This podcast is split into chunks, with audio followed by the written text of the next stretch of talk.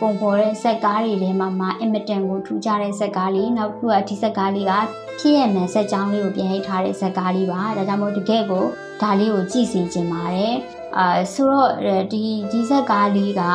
အဓိကတော့ဘာကိုပြောသွားချင်တာလဲဆိုတော့ကျမတို့အာရှတိုက်မှာရှိတဲ့ဒီမတန်ဆန်းသူတွေကိုတာသမီအဖြစ်မွေးဖွားထားရတဲ့မိခင်ဖခင်တွေရဲ့ရှေးရိုးဆွဲအမြင်တွေနောက်ပြီးကြတော့ဒလိထုံးစံတွေဘာသာရေးအယူအဆတွေ ဒီလိုပေါ့နော်အဓိကတော့ဒီထဲမှာတော့ရှေးရိုးဆွဲအယူအဆပေါ့နော်အဲ့လိုအယူအဆရဲ့ကြားထဲမှာကျမတို့မတန်ဆန်းတွေဘလောက်တောင်ပိတ်လောင်ပြီးတော့ခန်းစားနေရလဲဆိုတဲ့ဟာလေးကို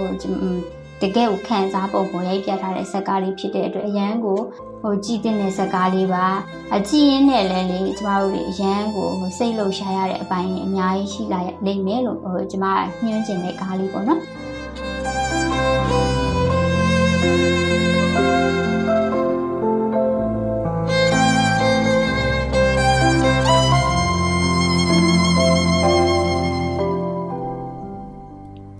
ဒါပေမဲ့တခုပေါ့နော်အော်ဒီကားလေးကတော့သူကဒီထဲမှာပါတဲ့တချို့တော့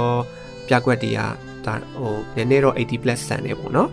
ဘာလို့လဲဆိုတော့အာကျွန်တော်နောက်ပိုင်းမှာဆက်ပြောပြမယ်ဒီဒီကားလေးကဟိုဒါနည်းနည်းလေးတော့ဒါ80 plus ဆန်နေဆိုတဲ့ဟာမျိုးလေးတော့အာကျွန်တော်ကြိုပြီးပြပြချင်တယ်ပေါ့နော်ဒါပေမဲ့ဟိုအရင်ကဆူဆူကြီးလည်းမဟုတ်ပါဘူးเนาะကျွန်တော်ဒီဟိုတကယ်ဟိုအာ80 plus ဇက်ကားတွေလိုမျိုးစိုးရတဲ့အခန်းတွေလည်းမဟုတ်ပါဘူးလို့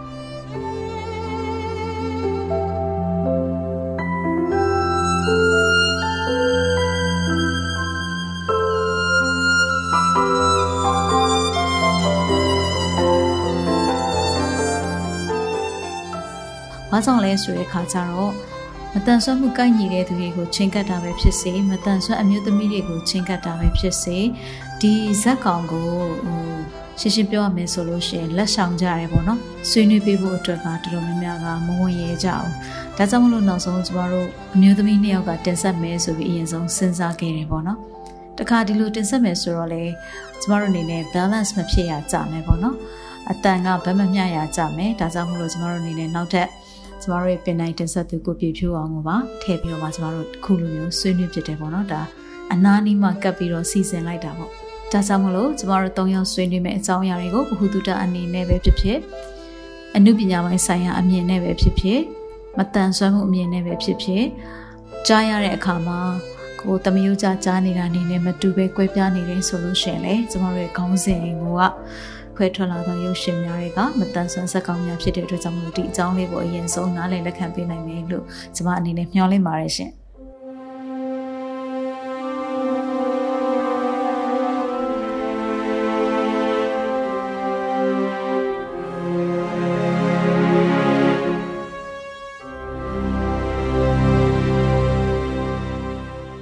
မင်္ဂလာပါရှင်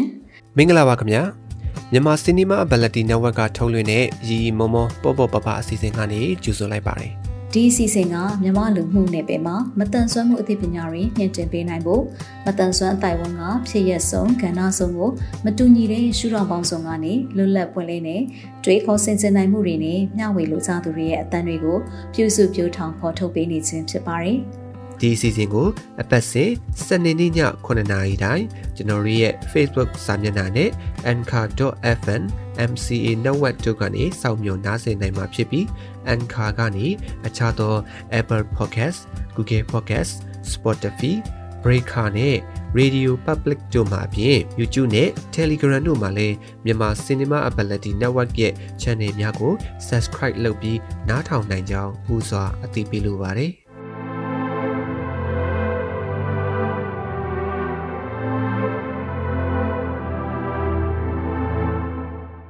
ဒီဘက်မှာဆွေးနွေးပေးသွားမယ်37 second ရုပ်ရှင်ကားအကြောင်းလေးကိုအရင်ဆုံးကျွန်မမိတ်ဆက်ပေးချင်ပါတယ်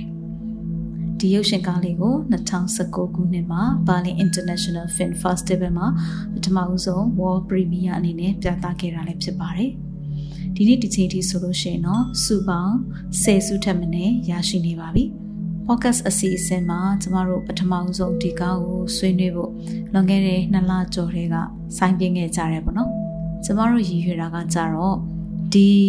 အထက်ကဇက်ကောင်နဲ့လိုက်ပါမယ်အပြင်မှာရှိနေတဲ့တကယ်မတန်ဆွမ်းသူကိုကျမတို့ရည်ရွယ်တယ်။ဒါကြောင့်မလို့ကျမတို့စူးစမ်းချိတ်ဆက်တယ်ပေါ့နော်။အထူးသဖြင့်အာပကြီးပိုင်းဆိုင်ရာမှာအာထူးထူးချွန်ချွန်နဲ့ဆွဲနိုင်တဲ့သူမျိုးဖြစ်ရမယ်။ wheelchair လည်းအသုံးပြုတဲ့သူမျိုးဖြစ်ရမယ်ဆိုပြီးတော့ကျမတို့ဒီ criteria ပေါ့သတ်မှတ်ချက်တွေနဲ့ကျမတို့ရွေးချယ်ခဲ့ကြတယ်။ချင်းကပ်ခဲ့ကြတယ်။ဒါပေမဲ့လို့အာတကယ်တမ်းဒီဆက်ကားကိုလူ3 4 5ယောက်အထိကျမတို့ချင်းကပ်ပြီးတော့မှဆွေးနွေးပေးဖို့အတွက် ပြောတဲ့အခါမှာဒီဇက်ကားကိုသူတို့အနေနဲ့ဆွေးနွေးပြီးဖို့အခက်အခဲရှိတယ်ဆိုတာကိုကျမတို့အကြောင်းပြန်လာကြတယ်ပေါ့နော်အသီးသီးအဲ့ခါကျတော့နောက်ဆုံးကျမတို့ဒီပင်နိုင်တင်ဆက်သူတွေကပြန်ပြီးတော့ပဲဒီဇက်ကားကိုဆွေးနွေးပေးမယ်ဆိုပြီးတော့မှအခုလိုမျိုးတင်ဆက်ဖြစ်တာဖြစ်ပါတယ်ဆိုလိုချင်တာကတော့ကျမတို့ဥတီပရိသတ်ကမတန်ဆွမ်းသူတွေလည်းပါတယ်အခြားသောအများပြည်သူတွေလည်းပါတယ်တချို့တချို့ရုပ်ရှင်ပိုင်းဆိုင်ရာဘက်က မတန်ဆွမ်းအရေးကိုစိတ်ပါဝင်စားကြတဲ့သူတွေအတွက်လည်းပါပါတယ်။ဒါပေမဲ့ကျမတို့ဒီရုပ်ရှင်တွေကိုဆွေးနွေးတဲ့အခါမှာအဲကျမတို့ဘက်မှာလည်းစောစောကပြောသလိုမျိုးအခက်အခဲရှိတယ်ပေါ့နော်။အဲ့တော့ဒီကားလေးထဲမှာဆိုရင်ဒါအဓိကဒီဆက်ဆောင်ဖြစ်တဲ့ဒီမတန်ဆွမ်းသူကောင်မလေးပေါ့နော်။ဒါဝီချဲလေးနဲ့ကျွန်တော်ဒီအာယုံကျော်ထိခိုက်မိပြီးတော့မှနော်ဒါဝီချဲအသုံးပြုရတဲ့မတန်ဆွမ်းသူတယောက်ဖြစ်သွားတယ်ပေါ့နော်။ခြေလက်လေးတွေဒါကျွန်တော်တို့ဒီဘက်မှာဆိုရင်တော့ အာ celebrate policy လို့ပေါ့နော်တကယ်နာဂျော်ဒင်လိုမျိုးပုံစံမျိုးကျွန်တော်တို့အာမှတ်ယူလို့ရမယ်ပေါ့နော်ကျွန်တော်ဒီခြေလက်လေးတွေသိပ်ပြီးတော့မတန်ဆွမ်းဘူးပေါ့နော်ဆိုတော့ဒီတရားကောင်မလေးကတော့သူကဒါမော်တာဝီချဲလေးနဲ့ပေါ့နော်လေးဘိန်းမော်တာဝီချဲလေးနဲ့တွားတဲ့ character လေးပေါ့နော်ဆိုတော့တကယ်ဒါမတန်ဆွမ်းသူအစ်စ်ကတရုပ်ဆောင်ထားတာဖြစ်ပါတယ်ကျမတက်တန်တခြားမှာပေါ့နော်ကြည် ကြည့်ခဲ့ရတဲ့မတန်ဆန်းရုပ်ရှင်တွေထဲမှာအမတန်ထူးခြားပြီးတော့ဟိုတကယ်ကိုပဲပေါ့နော်ကျမစိတ်ထဲမှာအဲ့လိုမျိုးပေါ့နော်ဟာကနေဟင်ကနေဖြစ်လက်အောင် exactly ဖြစ်ရတဲ့ဒီရုပ်ရှင်ကားလေးဆိုရင်လည်းဒီကားလေးကမမဟုတ်ပေါ့နော်အဲဒီဆက်ကားလေးကိုတော့ဂျပန်အမျိုးသမီးတန်ညွန်းတဲ့ဒရိုက်တာဒီကာရီကနေပြီးတော့ခန်းစားပုံဖော်ရိုက်ကူးခဲ့တာလို့ကျွန်မသိရပါတယ်။ အာကျမတို့လိုပဲဒီရုပ်ရှင်ဇာတ်ကားကိုရိုက်ကူးခဲ့တဲ့ director Hikari ဆိုတဲ့ဂျပန်အမျိုးသမီး director ကလည်းသူကဘယ်လိုမျိုးပြောထားလဲဆိုလို့ရှိရင်ကျမတို့ကဘာကြီးမှာဆိုလို့ရှိရင် ဖြောပြင်းနေပဲဟာလူအဖွဲ့အစည်းပုံမှာ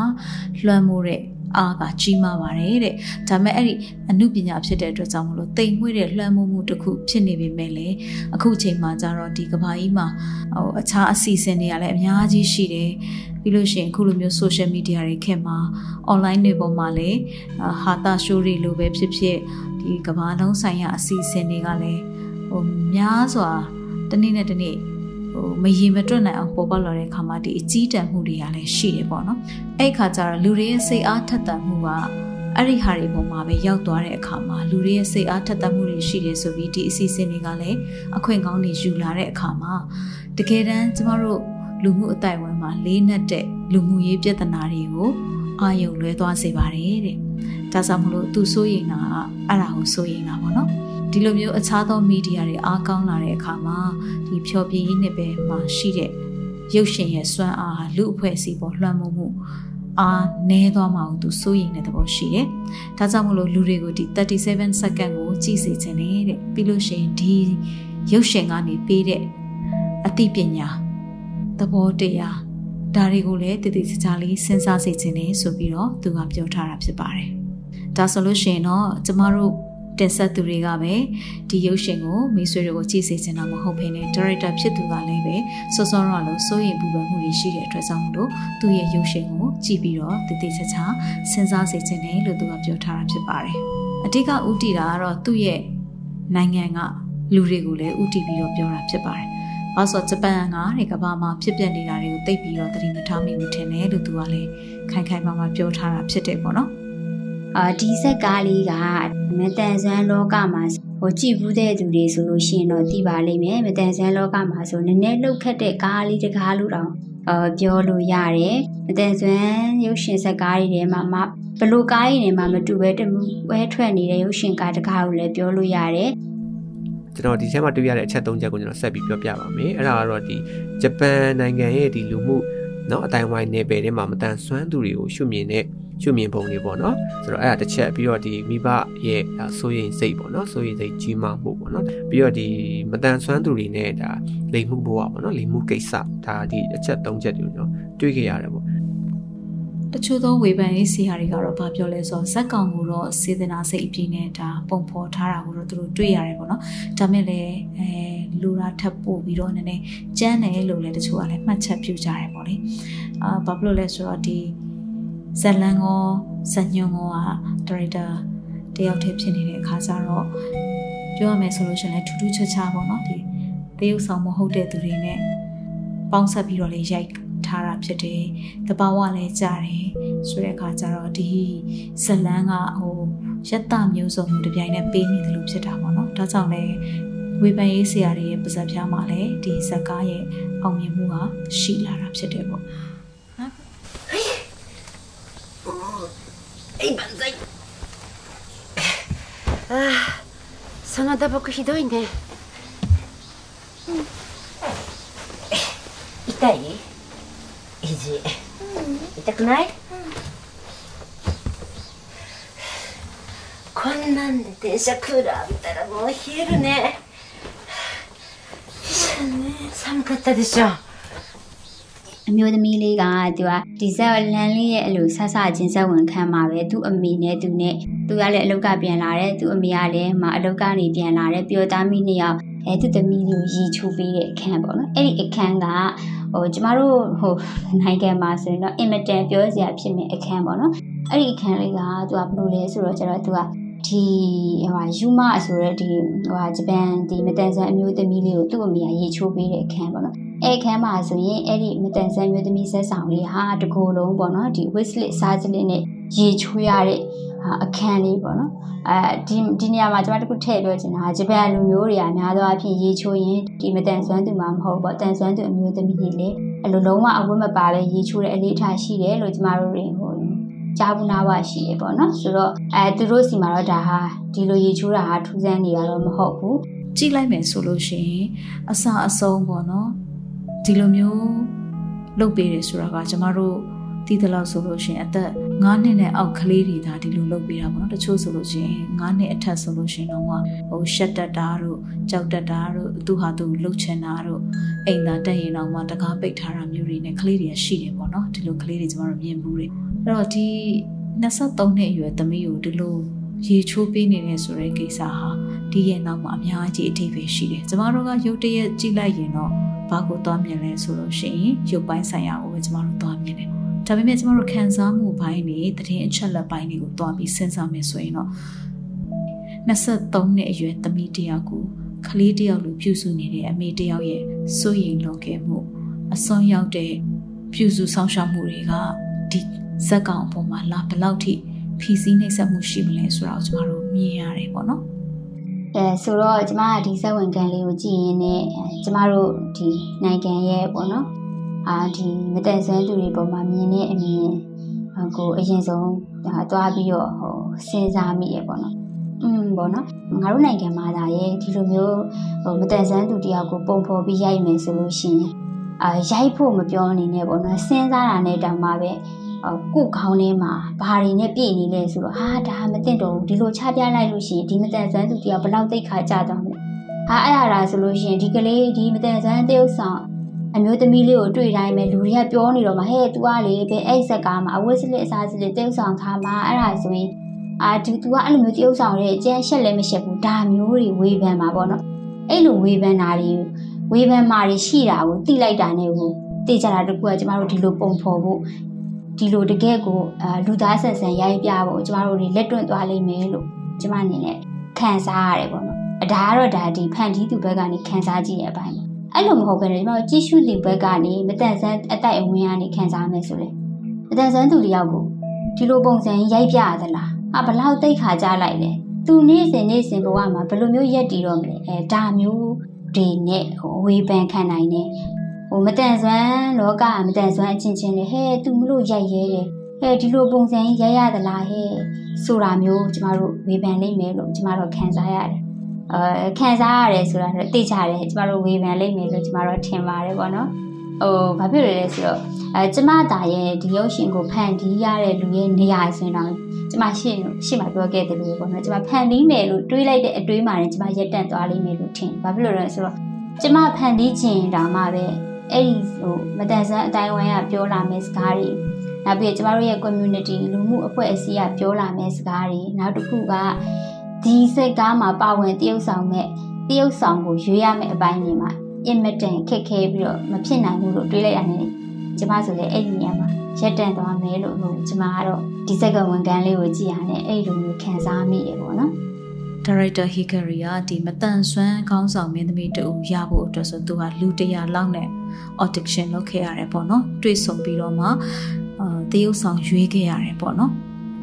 အဲ့ဒီမှာမှဒီ ကာယမလို့အမည်ရှိတဲ့ဒီတကယ်မတန်ဆွမ်းအမျိုးသမီးလေးကိုသူကဇက်ကောင်အဖြစ်ရွေးချယ်ခဲ့တာဖြစ်တယ်ပေါ့ audition ဆိုတာတော့ဒါဇက်ကောင်တယောက်ကိုဝင်ပြီးတော့မှရွေးချယ်ခံဖို့အတွက်တရုပ်ဆောင်ဝါသနာပါတဲ့သူတွေတရုပ်ဆောင်လုပ်နေတဲ့သူတွေကရှင်ပြိုင်ကြတာပေါ့ဒီမှာကတော့တရုပ်ဆောင်ဝါသနာပါပြီးတော့မှမတန်ဆွမ်းအမျိုးသမီးစစ်စစ်ဖြစ်တဲ့သူတွေဝင်ပြိုင်ရတာပေါ့နော်ဒါမျိုးကိုလူတရာလောက်သူတွေ့ဆုံပြီးတော့မှရွေးချယ်ခဲ့ရတယ် တခါသူ့ရဲ့ဇညွန်းအရာဆိုလို့ရှိရင်ဒီဇညွန်းထဲမှာတချို့ညဉ့်ညမ်းတဲ့အမှုအရာလေးတွေပါမယ်ဆိုတဲ့အခန်းလေးတွေရှိတယ်ဒါပေမဲ့ဒီအမျိုးသမီးလေးကိုကြည့်လိုက်တဲ့အခါကျတော့တရုပ်ဆောင်မဲ့အမျိုးသမီးလေးဟာအပြစ်ကင်းတဲ့သူ့ရဲ့ဟိုအနေအထားလေးကိုမြင်ရတဲ့အခါကျတော့သူကဘာလုပ်လိုက်လဲဆိုလို့ရှိရင်သူ့ရဲ့ဇညွန်းတွေကိုပြန်ပြီးတော့မှပြင်ပြီးတော့ရေးလိုက်ရတယ်တကယ်တမ်းသူငကိုတော့ကကျတော့အကား accident တစ်ခုကြောင့်မို့လို့ဒီ လိုမျိုးဘဝကိုရောက်သွားတဲ့မတန်ဆွမ်းသူအနေနဲ့ရေးထားတဲ့ဇညွန်းကိုမှသူကပြန်ပြီးတော့မှအခုလိုမျိုးမွေးရပါမတန်ဆွမ်းပုံစံမျိုးကိုပြန်ပြောင်းပြီးတော့မှဇညွန့်ရဲ့သုံးပုံတစ်ပုံလောက်ကိုသူပြန်ပြီးတော့ရေးရတယ်လို့ပြောပါတယ် Hi hi hip hop rap time Many many baby 赤ちゃん check it out Just the moment dancing first time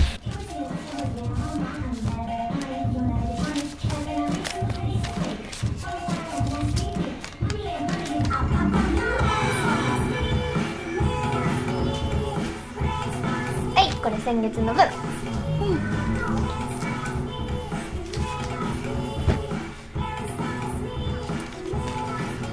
先月オフィスに買わないといけないもの多かったからさこအဲ့တော့ဇလန်ရဲ့အဓိကအကြောင်းအရာလေးကဒီထေးကဒီမတန်ဆွမ်းကောင်မလေးကဒါသူတို့ဂျပန်နိုင်ငံမှာဆိုရင်ဒါမန်ဂါလို့ခေါ်တဲ့ရုပ်ပြကာတွန်းဆွဲတဲ့ကောင်မလေးတယောက်ပေါ့နော် ရုပ်ပြကာတွန်းဆွဲတဲ့ဒီဘိုင်းမှာလည်းသူကအရန်ဝါသနာလဲပါတယ်အရန်ကိုလဲတော်တယ်သူ့လက်ရတွေကအရန်ကောင်းတယ်ပေါ့နော်ဒါပေမဲ့သူကဘာဖြစ်လဲဆိုတော့သူက share ဆွဲပေးရတဲ့ကာတွန်းဆရာဖြစ်တယ် share ဆွဲပေးတယ်ဆိုတာကတော့ကျွန်တော်အရှိရနေပြီးတော့မှအာ YouTuber ကောင်မလေးတယောက်ကသူနာမည်ခံတယ်လူလုံးထွက်ပြတယ်အဲဒီမန်ဂါတွေကသူဆွဲတာ ဖြစ်တယ်ပေါ့ဆိုပြီးတော့မှသူကဒီစောက်တီရောင်းချတယ်ပရိသတ်ရှိမှလူလုံးထွက်ပြတယ်ပေါ့နော်ဒီ YouTuber ကောင်မလေးတယောက်ကလာတာပတ်တာကောင်မလေးတယောက်ကပေါ့နော်ဆိုတော့ဒါပေမဲ့အဲ့အဲ့ကောင်မလေးအတွက်ဒီမန်ဂါတွေကိုနောက်ကိုရနေဆွဲပေးနေတာဒီမတန်ဆွမ်းကောင်မလေးဖြစ်တယ်ပေါ့ဆိုတော့ဇလန်လေးကဒီလိုတည်ထားအလီကစိတ်ဝင်စားဖို့ကောင်းတယ်ပေါ့နော် manga ဆိုတာကကျမတို့ပြောမယ်ဆိုလို့ရှိရင်ကျမတို့နိုင်ငံမှာရုပ်ပြကာတွန်းပေါ့နော်ဒီရုပ်ပြကာတွန်းဆိုတော့ဂျပန်နိုင်ငံမှာဆိုလို့ရှိရင်ဒီရုပ်ပြကာတွန်းတို့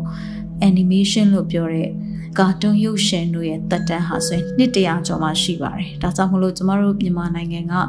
ရုပ်ရှင်ရဲ့တက်တန်းနဲ့သွားတော့ဟိုတူတဲ့အနေအထားလောက်ရှိပါတယ်ဆိုတော့သူတို့ဂျပန်နိုင်ငံမှာတော့အဲဒီမန်ဂါတွေကခုလက်ရှိကိုဖတ်နေကြတော့မယ်သူတို့စီကလူတွေဟာလည်းကျွန်တော်တို့ဒီမှာလို့ဖုန်းနေတဲ့အချိန်ကုန်နေတာမဟုတ်ဘူးဗျအာကျွန်တော်လေ့လာမိသလောက်ပေါ့နော်ဖုန်းသိမ့်မသုံးကြဘူးအားနေသူတို့စာပဲဖတ်တယ်စာတအားဖတ်ကြတယ်သူတို့ပြလူငယ်တွေဆိုပို့ဖတ်ကြတယ်ဘယ် လိုပြောမလဲဟိုလွှမ်းမိုးတယ်ပေါ့နော်လွှမ်းမိုးတယ်သူတို့တအားကိုစိတ်ဝင်စားကြတယ်မန်ဂါရဲ့စီကွက်ကလည်းတအားကောင်းတယ်ပေါ့နော်အာပြီးတော့ဒီမန်ဂါကနေမှတစ်ဆင့်ကျွန်တော်ဒီဟိုနောက်ဆုံးဒီ animation ရုပ်ရှင်တွေအထိပေါ့နော်သူတို့ဒါဖြစ်လာကြတာပေါ့နော်ဆိုတော့ဒါသူတို့လက်ရှိအခုချိန်ထိမှာဟောဒီကာတွန်းရုပ်ပြတွေကသူတို့စီမှာဖတ်နေကြတော့မယ်ဆိုတာကိုလည်းကျွန်တော်လေ့လာတွေ့ရှိရတယ်ပေါ့နော်ဒီဂျပန်နိုင်ငံမှာ manga ကဘလောက်တိုင်းတာအထိ လွှမ်းမိုးမှုရှိတယ်လဲဘလောက်တိုင်းတာအထိအောင်မြင်မှုရှိနေတယ်လဲဆိုတာကဒီနှစ်ပေါင်း100ကျော်ဖြတ်တန်းခဲ့ရတဲ့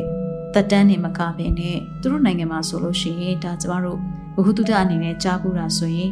တမိုင်းပေါ့နော်တမိုင်းဘာသာရက်ဆိုလို့ရှိရင်သူတို့ကကျမတို့လိုမျိုးစာတွေဖတ်ပြီးတော့အာကုံဆောင်နေတာမဟုတ်ဘဲနဲ့တမိုင်းဘာသာရက်ကိုဒီမန်ဂါတွေဖတ်တာအဲ animation တွေကြည့်ရင်းနဲ့ပဲသူတို့ကဒီ ဘာသာရပ်ဆိုင်ရာသင်ကြားမှုတွေကိုအထောက်အကူပြုတဲ့အထီကိုမန်ဂါပညာကအရန်ကိုထိုးဖောက်နိုင်တာဖြစ်ပါတယ်ဆိုတော့ကျွန်တော်တို့တွေ့လဲငယ်ငယ်လေးက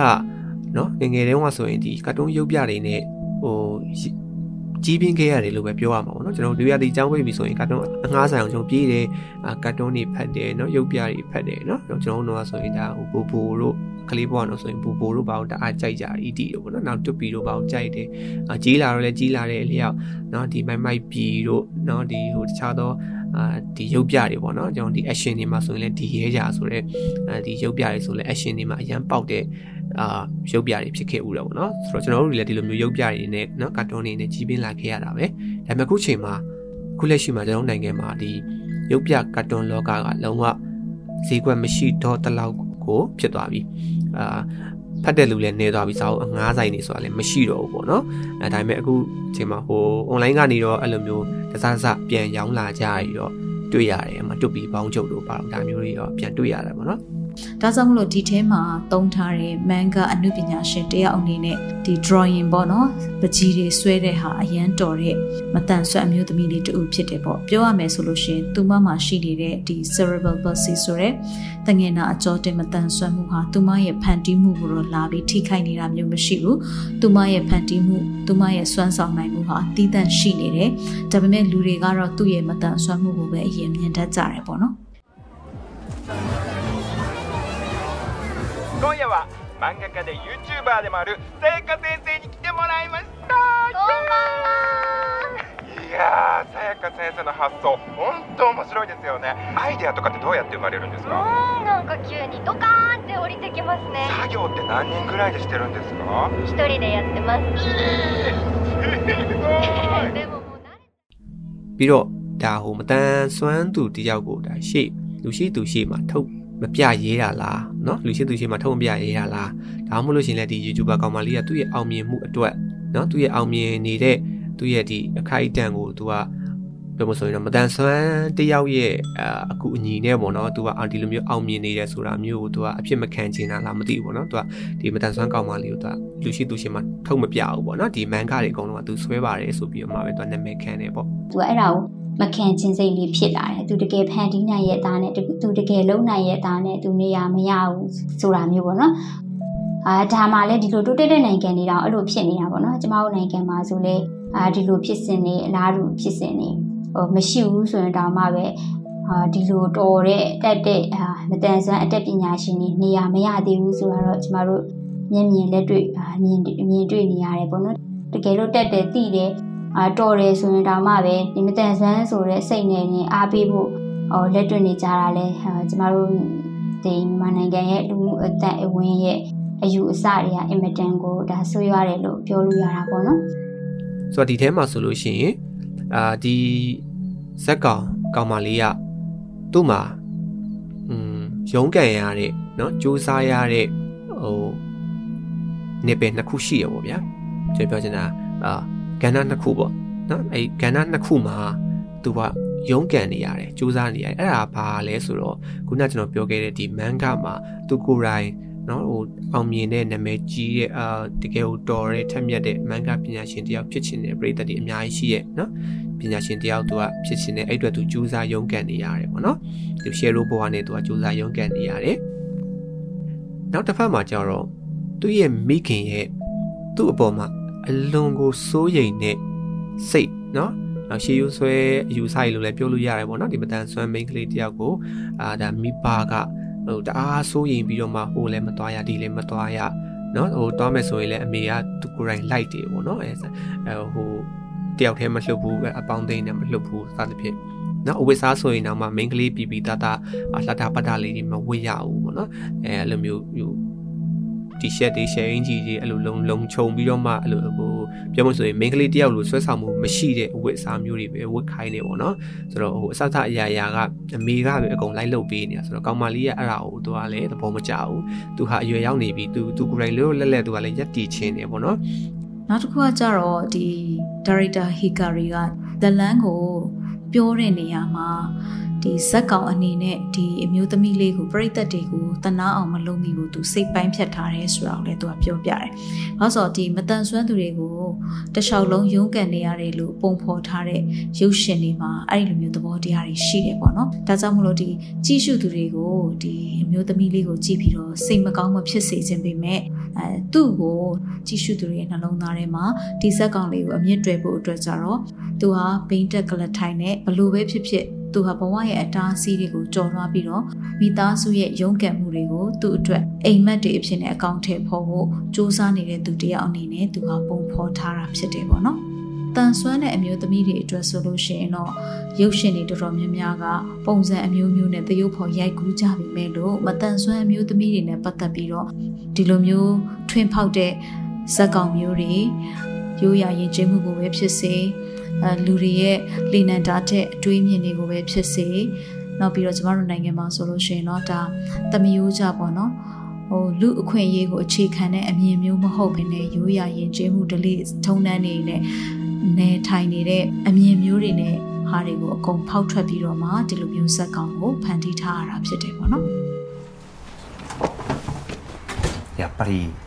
彼女を公にしたらどうですか、うん、 障害者のアシスタントがいるって世間に知ったらめちゃめちゃ好感度上がりますよいやそれはですよねはいいやပြီးတော့ဒီထဲမှာဆိုလို့ရှိရင်လေစံဝင်ကန်တဲ့ခန်းကခုနဒီကောင်မလေးနော်မတန်ဆွမ်းကောင်မလေး share ရေးပေးတဲ့ YouTuber ကောင်မလေးကိုသူ့ရဲ့မိတ်ဆွေကပြောလိုက်တာပြောလိုက်တဲ့စကားပေါ့နော်အဲ့စကားလေးကဆိုလို့ရှိရင်လေတဲ့ဘာလဲဆိုတော့မင်းမှာဒီလိုမျိုးမတန်ဆွမ်းလက်ထောက်ရှိနေတာတဲ့ ဘာလို့ပြိသက်ကိုအတိမပေးရလဲပေါ့နော်မင်းတကယ်လို့အတိပေးလိုက်မယ်ဆိုလို့ရှိရင်မင်းဒီထက်ပိုပြီးနာမည်ကြီးလာမှာတဲ့ဆိုတော့ဒီစကားလေးကဒါသူတို့နိုင်ငံရဲ့အခြေအနေကိုဖော်ပြတယ်လို့ကျွန်တော်မြင်လိုက်တယ်ပေါ့နော်ဘာလို့လဲဆိုတော့ဒီထားပါတော့နော်ဒီလုပ်ငန်းရှင်တယောက်မှာမတန်ဆွမ်းလက်ထောက်နော်မတန်ဆွမ်းဝန်ထမ်းရှိနေတယ်ဆိုတာကိုပြိသက်ကသိခဲ့ရင်ဒီလုပ်ငန်းရှင်ကိုပို့ပြီးအားပေးကြမယ်เนาะပို့ပြီးတော့အာချစ်ခင်ကြမယ်ပေါ့เนาะဒီလုပ်ငန်းရှင်ကလည်းပို့ပြီးနာမည်ကြီးမယ်ပေါ့เนาะဆိုတော့ သူတို့ရဲ့အတွေးခေါ်ပါဗျာကျွန်တော်နိုင်ငံနဲ့တအားကြီးကွာတယ်ဗျအဲ့ကျွန်တော်နိုင်ငံမှာဆိုရင်မတန်ဆွမ်းဝန်ထမ်းတယောက်တော့မတန်ဆွမ်းတယောက်ကိုဝန်ထမ်းခန့်မယ်ဆိုလို့ရှိရင်เนาะဒါလုပ်ငန်းရှင်တွေတွေးလေးရှိတာလုပ်ငန်းခွင်ထဲမှာအနှောက်အယှက်ဖြစ်မယ်တခြားဝန်ထမ်းတွေကိုအနှောက်အယှက်ဖြစ်နိုင်တယ်သူတို့အတွက်ဒါဟိုမတန်ဆွမ်းတွေအတွက်အဆင်ပြေအောင်လုံးဝအကုန်လုံးစီမံမပေးနိုင်ဘူးနောက်တစ်ခုပါရှိတယ်ဒီကောင်တွေကမတန်ဆွမ်းတွေကိုခိုင်းစားနေတဲ့ကျန်းဆိုတဲ့ပတ်ဝန်းကျင်အမြင်တွေကိုမြင်မှကြောက်ကြတယ် စပတ်ဝန်းကျင်ကလည်းဒီလိုမြင်လေးရှိကြမယ်ဗျနော်ဟုတ်ကြည့်ပါဦးမတန်ဆွမ်းတွေကိုခိုင်းစားနေတယ်အဲ့တော့မိသားစုထဲမှာဆိုရင်လည်းမတန်ဆွမ်းတယောက်ကအလုပ်လုပ်ပြီးတော့မိသားစုကိုထောက်ပံ့နေတယ်ဆိုရင်တော့မှပဲအဲဒီမိသားစုကလည်းဘယ်လိုလဲမတန်ဆွမ်းအောင်ခိုင်းစားနေရလားဆိုတော့အတွေ့အမျိုးတွေးတတ်ကြတယ်ဗျတွေးကြတယ်ဗျဆိုတော့သူတို့နိုင်ငံမှာအဲ့လိုမရှိဘူးဗျလုံးဝအတွေးကြီးရနော်အော်မတန်ဆွမ်းတယောက်ကိုဝန်ထမ်းခန့်ထားခြင်းအပြင်ဒီကုမ္ပဏီနော်ဒီလုပ်ငန်းရှင်ကိုပို့ပြီးတော့နာမည်ကြီးလာနိုင်တယ်ဆိုတဲ့ concept အတွေးသူတို့မှာရှိတယ် အများကလည်းအဲ့လိုမြင်ကြမှာပဲเนาะမတန်ဆွမ်းတယောက်ကိုဝန်ထမ်းခန့်ထားပြီဆိုရင်လုံးဝဒီလုပ်ငန်းရှင်ကိုထင်ကြီးကြမယ်လေးစားကြမယ်ချစ်ခင်ကြမယ်ပေါ့ဒီလိုမျိုးရှိကြရဆိုတော့ဒီအတွေးခေါ်လေးတစ်ခုကိုကျွန်တော်ဒါတော့မြင်လိုက်တာပေါ့เนาะအဲ့ဒီစကားလေးတစ်ခုကနေပြီးတော့မှဒါတော်တော်ကွာခြားတဲ့ကျွန်တော်တို့တွေးခေါ်မှုတွေပဲဆိုတော့တော့မြင်ရတယ်ပေါ့နော် ဒါကပဲသူ့ဘဝကိုစိန်ခေါ်မှုအသစ်တွေနဲ့ဖြတ်တန်းဖို့အတွက်တွန်းအားတစ်ခုလိုဖြစ်လာစေတယ်ပေါ့နော် ဒီမှာရီမဲဆာယခနဲ့ပတ်သက်တဲ့အဲအရေးကပြီးမသွားပဲနဲ့သူတခြားအလုပ်တွေရှောက်တဲ့အခါမှာလဲသူ့ရဲ့လက်ရာတွေကိုကြည့်ကြတဲ့အခါမှာဟာဆာယကရဲ့ style ကိုခိုးထားပါတယ်အရန်ကိုအတုခိုးတာပဲဆာယကရဲ့ style ကိုသုံးထားတယ်ပေါ့နော်အရန်နီးစပ်နေတဲ့ဆာယကရဲ့ style နဲ့ဆိုပြီးတော့သူ့ကိုဒီလိုမျိုးအမျိုးမျိုးပေါ့နော်ဟိုခွဲခြားခံရတယ်တနည်းအားဖြင့်တော့သူ့ကိုညှင်းပယ်လိုက်ကြတယ်ပေါ့တကယ်တော့ဒါဟာသူ့ရဲ့စစ်မှန်တဲ့ ဖြစ်တည်မှုတစ်ခုဖြစ်တယ်သူ့ရဲ့လက်ရာဖြစ်တယ်ဒါပေမဲ့ဆာယကဆိုတဲ့အရေးမဲကြီးကသူ့ရဲ့လက်ရာပေါ်မှာလွှမ်းမိုးနေတဲ့အခါမှာသူဟာဒီကနေယုံထွက်ခြင်းစိတ်တွေပို့ပြီးတော့ပြင်းပြလာတယ်လို့ကျွန်တော်တို့မြင်ရတယ်ပေါ့နော်ဆိုတော့အဲ့ဒီအဲ့လိုမျိုးဖြစ်နေတဲ့အချိန်မှာဒီအမျိုးသမီးလေးကဒီမတန်ဆန်းမျိုးသမီးလေးကသူကတခြားဒီအာလူကြီးတွေအဲပကြီးဆွဲတဲ့အမက်ကစင်းတိုက်ဒါမှမဟုတ်စာအုပ်ထုတ်ဝေးတဲ့တိုက်ပေါ့နော်အဲ့ဒီတိုက်ကိုသူကသွားပြီးတော့အလုပ်သွားလျှောက်တယ် ဖြစ်ချင်တော့သူအလုပ်သွားလျှောက်တဲ့နေရာက သူကဘယ်လိုပုံစံမျိုးလဲဆိုတဲ့အခါကျတော့ဒီလိမ်ပိုင်းဆိုင်ရာကိုအသားပေးပြီးတော့ပုံဖော်ဖန်တီးရတဲ့လိမ်မှုဆွဲဆောင်တဲ့လေအသားပေးစာအုပ်တွေကိုအဖန်တီးပုံဖော်ရတဲ့စာအုပ်တိုက်ဖြစ်နေတာပေါ့နော်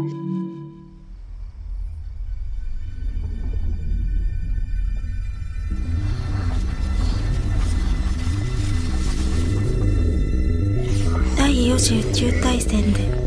何千もの惑星が滅ぼされた。我が惑星ローレシアもその一つ。一刻も早くこの惑星を元通りにするには私がしなければならないことは一体。プラネットアース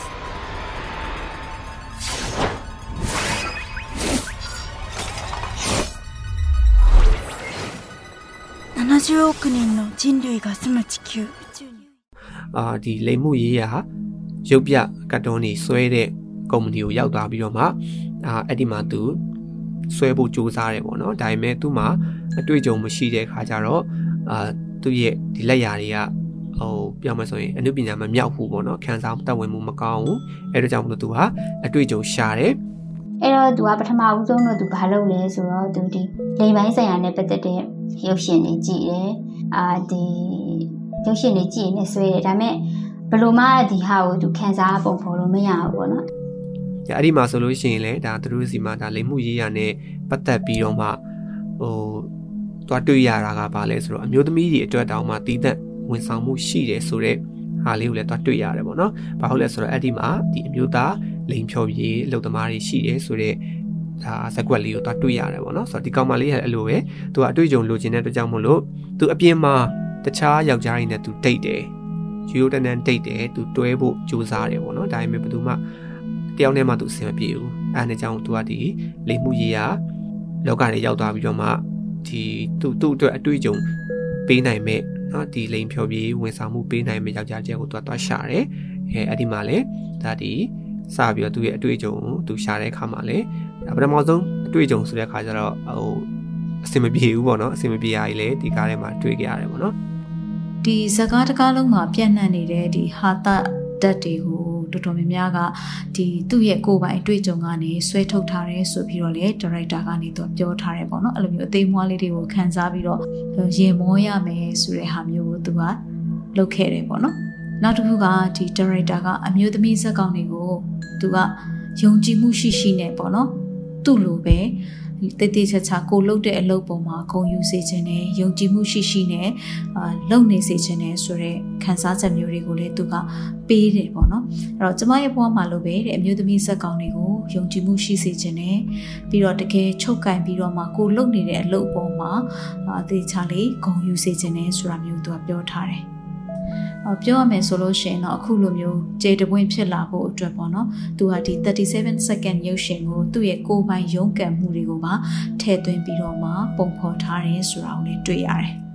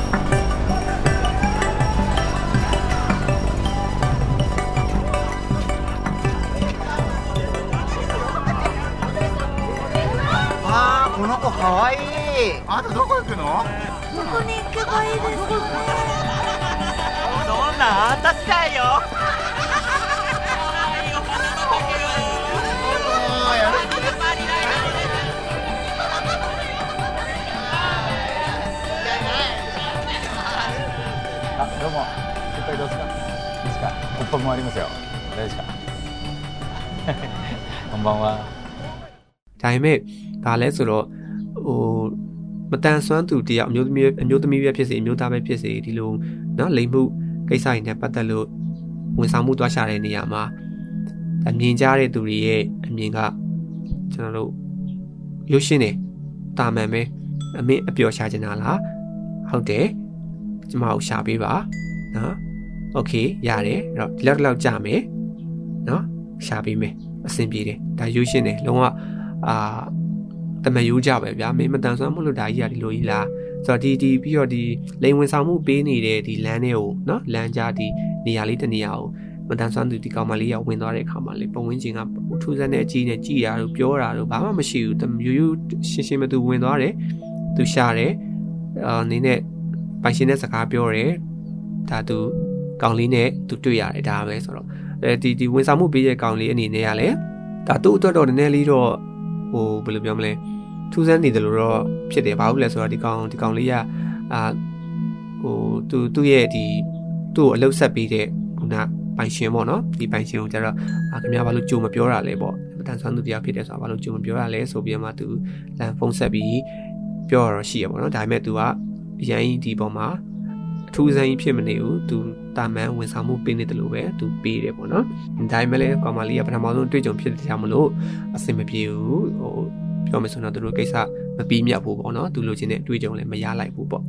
ပေမဲ့ဟိုကျမတို့နိုင်ငံမှာတော့စုရရတာမရတာနောက်ထားပြီးတော့အရင်ဆုံးတော့ရှေ့မှာကျမပြောခဲ့တဲ့ဝေဖန်မှုတွေကိုတော့ဟိုခံရမှာသိကြတယ်လို့ကျမပြောချင်တယ်ပေါ့နော်အဲနောက်ပြီးတော့ကျမတို့ဒီမြန်မာနိုင်ငံရဲ့လူမှုတန်ဝိုင်းကမတန်ဆွမ်းကိုလက်ခံထားတဲ့ပုံစံကလည်း အအင်မတန်ကိုဟိုမျိုးခေါ်မလဲပွင့်လင်းမြင်သာမှုနည်းသေးတယ်အာလူသားဆန်ဆန်မြင်တာတွေအရန်နေသေးတယ်ပေါ့နော်အဲ့လိုအချိန်မှာဒီလိုဇက်ကားစာရဲ့ကျမတို့နိုင်ငံအနေနဲ့ဖန်တီးမယ်ဆိုရင်ပေါ့နော်ဖန်တီးတဲ့သူရောဒီရုပ်ရှင်ထဲမှာပါဝင်တရုပ်ဆောင်တဲ့သူရောဟာပေါ့နော်ခေါင်းမဖော်နိုင်လောက်အောင်အပြောခံရမှာတော့ဟိုတည်ကြတယ်လို့ကျမတို့တွေးမိတာပေါ့နော်ဒီမှာလည်းဗာတော့တွေ့ရလဲဆိုတော့မတန်ဆွမ်းသူတွေနဲ့လိမ်မှုကိစ္စကလည်း ဒါအထူးဆန်းမဟုတ်ဘူးဆိုတာမျိုးလဲတော့တွေ့ရတယ်ပေါ့နော်အဲ့တော့မတန်ဆွမ်းသူတွေကလည်းလူပဲလူတွေပဲဖြစ်တဲ့ကြောင့်မလို့ဒီလိမ်မှုကိစ္စဆိုရေးဆိုတာလည်းရှိမယ်เนาะသွေးသားဆန္ဒရှိမယ်ဒီအတွက်ပျော်ရှာခြင်းလည်းရှာမယ်ဒီနောက်ပြုခြင်းလည်းပြုမယ်ဒါတွေကဘာမှထူးဆန်းနေတဲ့အရာမဟုတ်ဘူးပေါ့နော်ဆိုတော့ဟိုဒီလိုအခြေအနေမျိုးဒီလိုဇလန်မျိုးပေါ့နော်ဒီလိုပြကွင်းပြကွက်မျိုးကဒါကျွန်တော်နိုင်ငံမှာဆိုရင်တော့ဒါအဲတေးကြတယ်စံစာလည်းပြီးမှမဟုတ်ဘူး နော်ပြသခွင့်လည်းရမှာမဟုတ်ဘူးထုတ်လုပ်ခွင့်လည်းရမှာမဟုတ်ဘူးဆိုတော့အေးတကယ်လို့ထုတ်လုပ်ခဲ့မယ် online ပေါ်နော်စံစာမပေးလို့ online ပေါ်ပဲတင်မယ်ကွာဆိုရင်တော့မှပဲပြောခံမယ်စေခံမယ်သိကြတယ်အဲ့တော့ဒီနိုင်ငံမှာတော့ဟိုဒီလိုအတွေ့အခေါ်တွေကပွင့်လင်းဖို့ဟိုအများကြီးလုံနေသေးတယ်ပေါ့နော်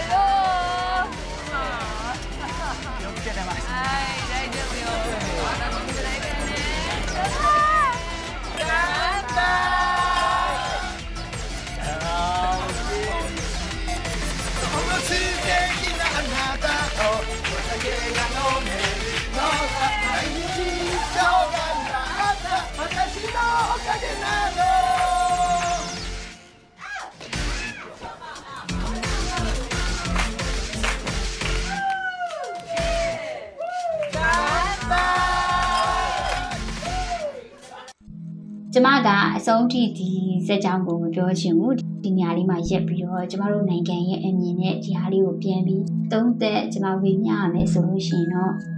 အာဒီလိုမျိုးလာရိုက်လို့ရှိရင်ကျမတို့နိုင်ငံကဘာပြောမလဲဆိုတဲ့အခါကျတော့အာမတန်ဆန်းဆိုတာတကယ်အပြင်မှာဒီလိုလုပ်လို့လားတကယ်အဲ့လိုမျိုး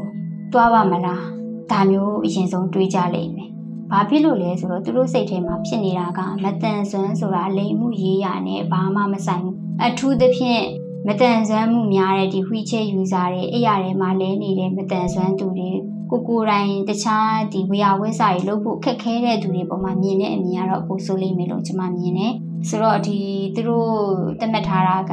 မတန်ဆွမ်းသူဆိုတာဒီလိမ်မှုရေးရနဲ့ဘာမှမဆိုင်ဘူးအိမ်အောင်သားမွေးဆိုတာမတန်ဆွမ်းသူတွေနဲ့ဘလို့မှမသိတော့ဘူးမတန်ဆွမ်းသူတွေက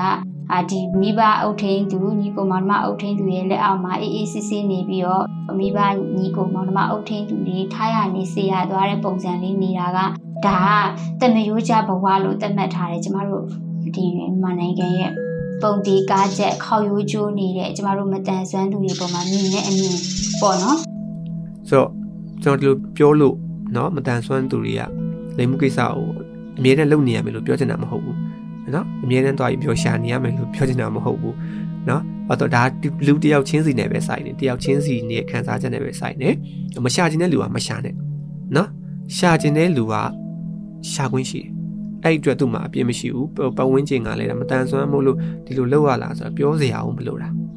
အိမ်အောင်ပြုတ်ကျင်လားပြုတ်လိုက်မပြုတ်ကျင်ဘူးလားမပြုတ်ပဲနေလိုက်နော်ဆိုတော့အဲ့ဒီမှာလည်းဒါကြုံလို့ပြောအောင်မယ်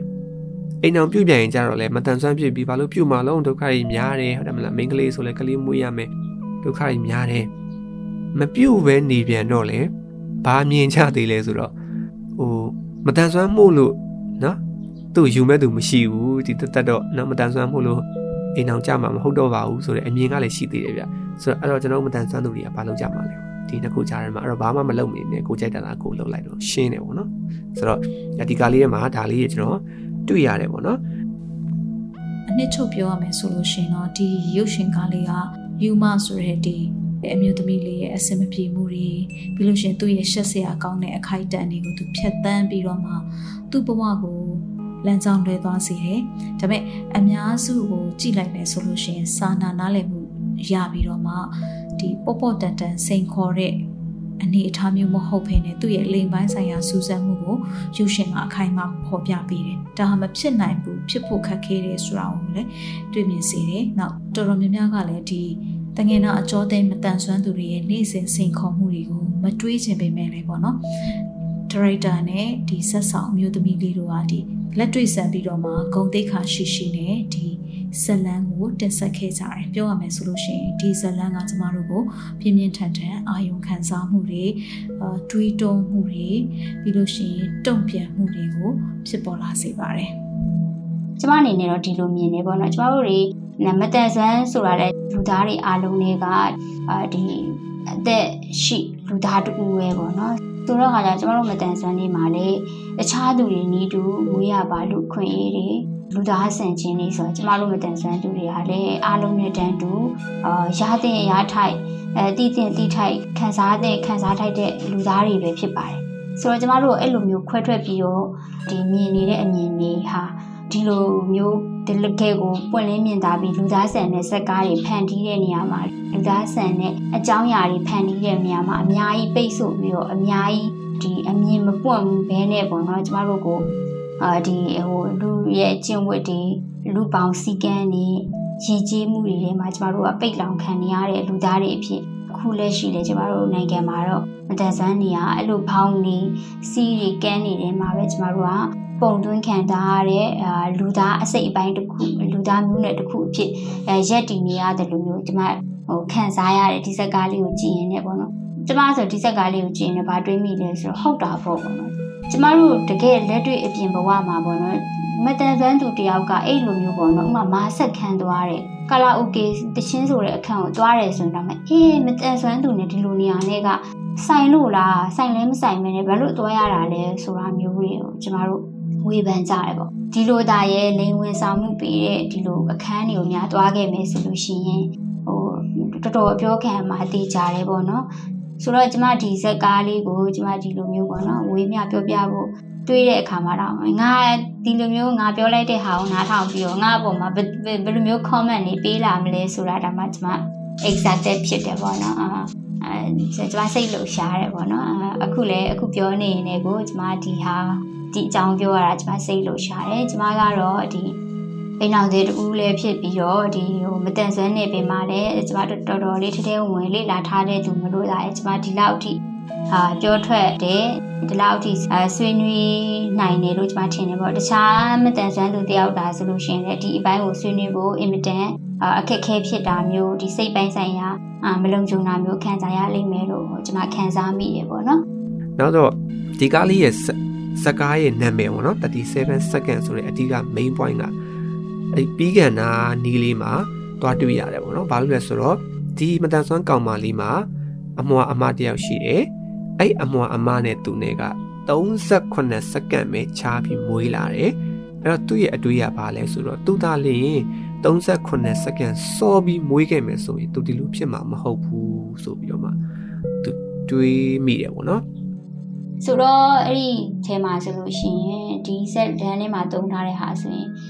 ကျမတို့မတန်ဆွမ်းသူဆိုတာနဲ့ကျမတို့ကလေးလို့မမြင်ပါနဲ့ဆိုတဲ့စကားလုံးဒီအမတန်တလုံးတလုံးနဲ့ပဲပြောလိုက်တဲ့စကားလေးကတော့တခွန်းနဲ့ပဲဒါပေမဲ့အမတန်ထိတယ်။ဘာလို့လဲဆိုတော့ကျမတို့ဒီမြန်မာလူမှုအတိုင်းဝန်းမှာဆိုလေမတန်ဆွမ်းသူဆိုတာနဲ့အာအဖေတို့မေနေတို့နဲ့ပဲသူကနေရမှာ อืมသူပညာသင်ပေးရင်တော့မှရိုးရိုးမဟုတ်ဘူးเนาะရိုးရိုးမဟုတ်ဘူးပညာသင်ပေးရင်တော့မှအေး तू ကမတန်ဆွမ်းသူဖြစ်နေတော့ तू ပညာလေးတက်မှအဆင်ပြေမယ်မဟုတ်ဘူးဆိုလို့ရှိရင်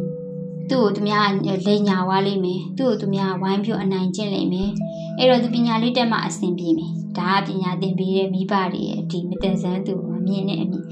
နောက်တစ်ခုပညာမထားတဲ့လူကြလည်းအဲ तू ကမတန်ဆွမ်းသူပဲအလောက်ကခွန်လန်းနေရမှာမဟုတ်ပါဘူးသူ့ကို အာငါတို့မိဘတွေတခြားညီကိုမောင်နှမတွေကပဲသူ့ကိုတက်တက်လုံးပြုစုစောင့်ရှောက်မှာပါအဲ့တော့သူ့ပညာသင်ပေးမနေပါနဲ့တော်တောင်ရေးတဲ့ဖက်တန်ရင်တော်ပြီပေါ့အကြောင်းထားမနေနဲ့သူလည်းသွားလာနေရထိုင်ရတာ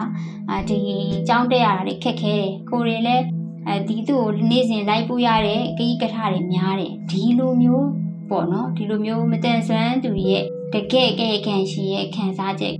အဲခံရှင်ကလှုပ်ချင်တဲ့အဲဖန်တီးခြင်းနဲ့ပုံဖော်ခြင်းနဲ့ ဒီတကယ်ကာယကံရှင်ရဲ့စိတ်ခံစားချက်ကိုမမေးဘဲနဲ့ကျမတို့တွေအပြင်ကနေဝင်ခံစားပြီးတော့ကျမတို့ညီကောင်မောင်နှမတွေရတော့၎င်းကျမတို့မိဘတွေရတော့၎င်းကျမတို့ရဲ့ဘဝတွေကိုစီမံခဲ့ကြတယ်ပေါ့ဒီနေ့ထိလည်းစီမံနေတော့မယ်ပေါ့နော်ဘာလို့ကျမအဲ့လိုပြောလဲဆိုတော့ကျမတို့တွေဒီမတန်ဆန်းသူတွေနဲ့ပတ်သက်ပြီးတော့တင်တန်းနေပြီးတယ်လို့ဟာအတီပလီတွေလုံးလို့မတန်ဆန်းသူကိုဖိတ်ပြီးဆိုဘာတကြရလဲဆိုတော့အမေကတယောက်တည်းဆိုတွတ်မှာမဟုတ်ဘူးသမီးတို့မိဘတွေကစိတ်မချဘူး အဲတမိဒီလန်းကိုလာလို့အဆင်ပြေပါမလားတမိတယောက်တည်းဖြစ်ကောဖြစ်ပါမလားဆိုတော့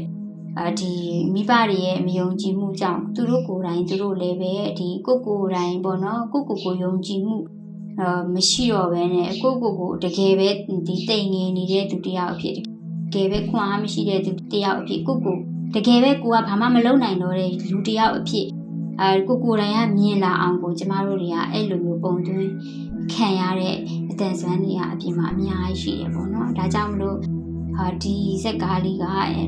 ဟိုကျမတို့တခြားဒီဟိုဘယ်လိုမျိုးခေါ်မလဲဒီလိမ်နဲ့ပတ်သက်တဲ့ဟာတွေဘာတွေမကြည့်ဘူးဆိုတော့မှပဲဒီဇက်ကားလေးကအာလူသားဆန်ခြင်းတွေပြင်မာတကယ်မတန်ဆန်းသူတကယ်လက်တွေ့ကြုံနေရတဲ့အခက်အခဲတွေကိုဒီဇက်ကားလေးကအများကြီးပုံဖော်ထားတာဖြစ်တယ်ဒါကြောင့်မလို့ဟိုဒီဇက်ကားလေးကိုကြည့်ရင်ဒီမတန်ဆွမ်းမှုအမြင်ဖွင့်တာတွေတော်တော်များမြင်တွေ့ရမယ်လို့ထင်ပါတယ်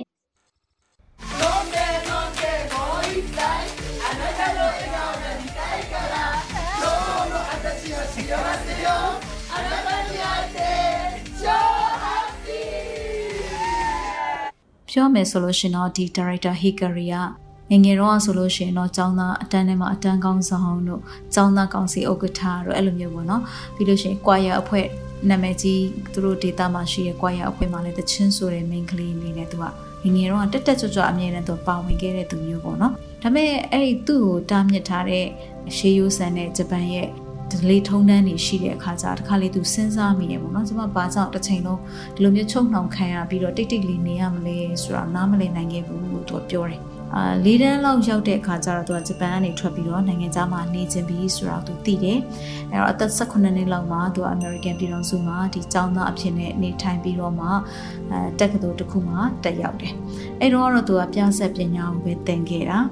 နောက်ပွဲရပြီးသွားတဲ့အခါကျတော့ Los Angeles ကိုသူပြောင်းသွားတယ်။အဲဒီမှာရုပ်ရှင်တေဂီတာဗီဒီယိုတွေနဲ့ရုပ်သံကြော်ညာတွေမှာဆိုလို့ရှိရင်သူကဒီအရန်လိုမျိုးပေါ့နော်အကသမားအဖြစ်နဲ့သူကကြိုးကြားကြိုးကြားအလုပ်သွားလုပ်တယ်။ပြီးလို့ရှိရင်အလင်းသိတဲ့အချိန်မှာပဲသူကဒီဂီတသမားတွေကိုလည်းဓာတ်ပုံရိုက်ပေးတာတို့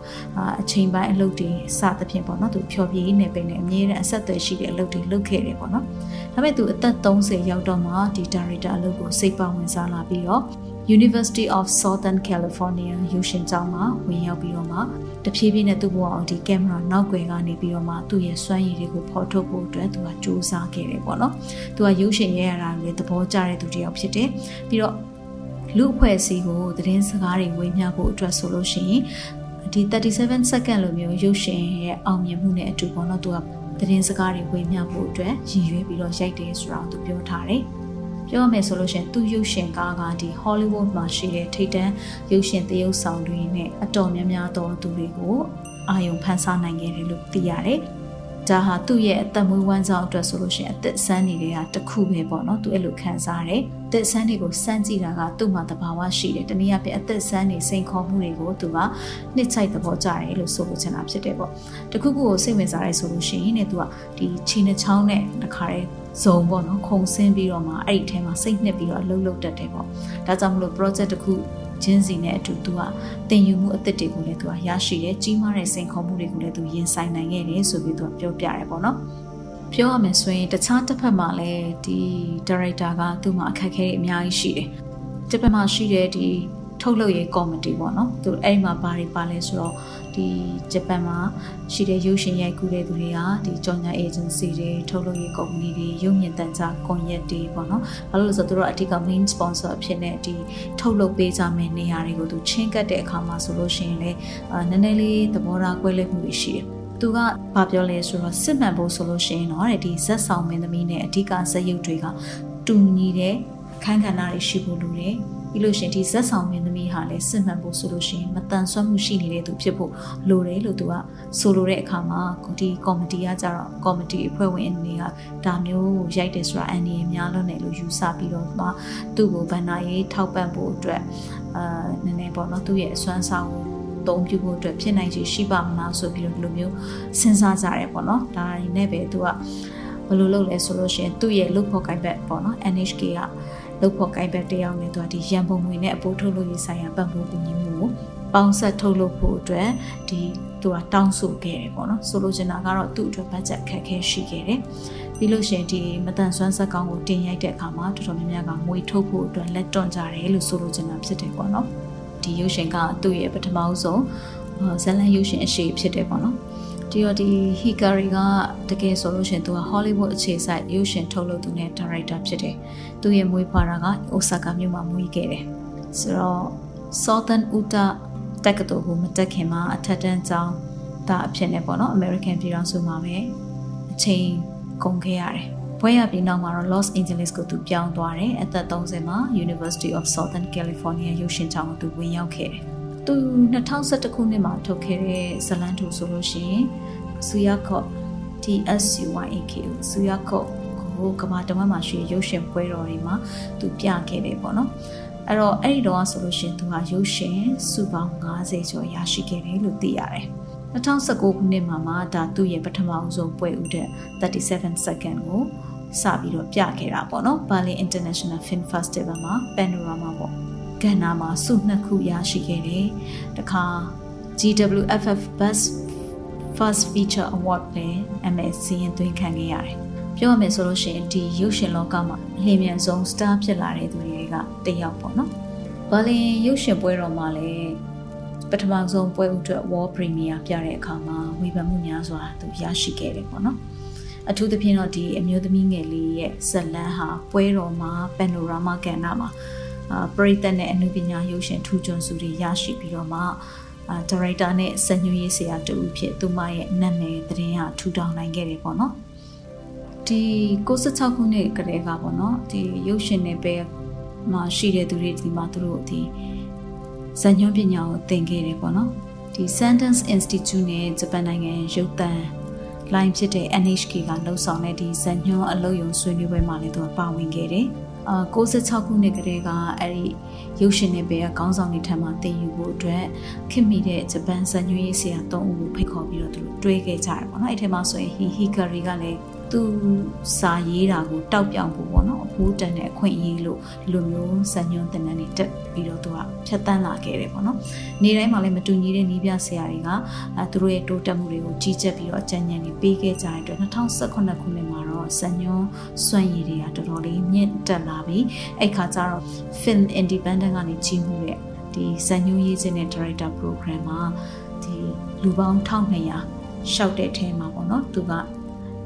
လူနည်းစုအဖြစ်ရွေးတဲ့အထက်မှာပါသွားခွင့်ရတယ်ဆိုတာသူလမ်းကြောင်းမှန်ပေါ်ရောက်နေပြီလို့အဲ့တုန်းကသူပြောခဲ့တယ်ပေါ့အလောက်ယုံဆွေးနွေးပွဲတွေပြီးသွားတဲ့အခါကျတော့ရုပ်ရှင်ရိုက်ကူဖို့သူကအဆင်သင့်တော့ဖြစ်နေပြီသူ့မှာအရန်ကောင်းတဲ့ဇာညွှန်းလည်းရှိနေပြီသူယုံကြည်မှုတွေခံစားနေရတယ်ဒါပေမဲ့အာဘာဖြစ်လဲဆိုတော့ဒီ project အတွက်ကအာမခံရှိဖို့ပေါ့နော်ကြောတောင်းတော့ခံငွေထုတ်ပေးပြီးတော့မှလုပ်ပေးနိုင်မယ့်အာမခံမျိုးရှိဖို့ကြတော့ခဲရင်းတဲ့ကိစ္စဖြစ်နေ သူ့ကိုယ်သူတော်သူပြောတယ်သူနိုင်ရန်ကိုသူပြေးဝင်ခဲ့တယ်ပေါ့နော်ဘာလို့လဲဆိုတော့တခါမှအာရုပ်ရှင်အတွေ့အကြုံရုပ်ရှင်ဇလန်းရှင်အတွေ့အကြုံမရှိသေးတဲ့နာဒါရိုက်တာတူပေါ့ထူးသဖြင့်ဒီ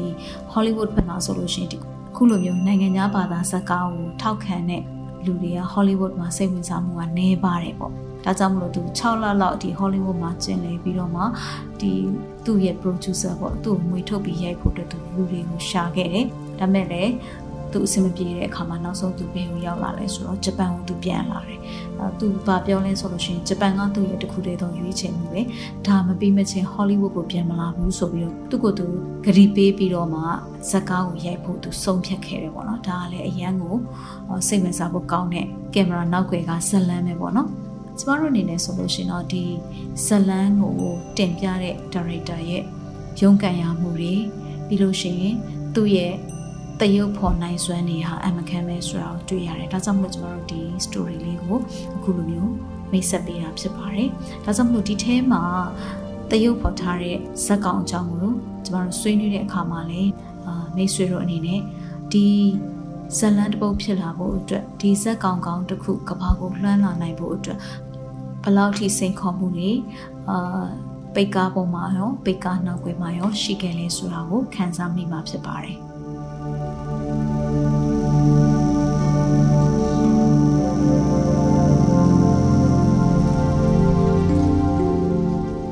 ယခုအစီအစဉ်ကိုမိတ်ဆွေတို့အနေနဲ့အစအဆုံးနားထောင်ပြီးပြီဆိုရင်တော့မိမိတို့ရဲ့သဘောထားမှတ်ချက်များကို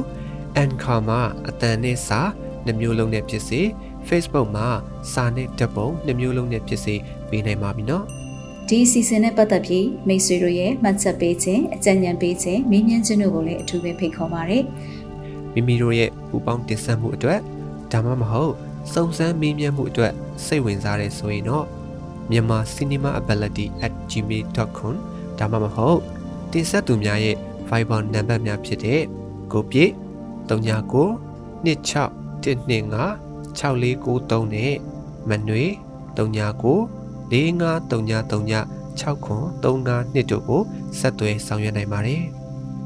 မိတ်ဆွေတို့အနေနဲ့ဒီစီစဉ်ကိုမတိသေးသူများသိဖို့လိုအပ်နေသူများမတန်ဆွမ်းအရေးကိုမိမိတို့ရဲ့လုပ်ငန်းခွင်အသီးသီးမှာထည့်သွင်းဆောင်ရွက်ဖို့စိတ်ဝင်စားသူညီသူကိုမဆိုထပ်ဆင့်ဝေမျှပေးရင်သတင်းကောင်းပေးနိုင်ပါတယ်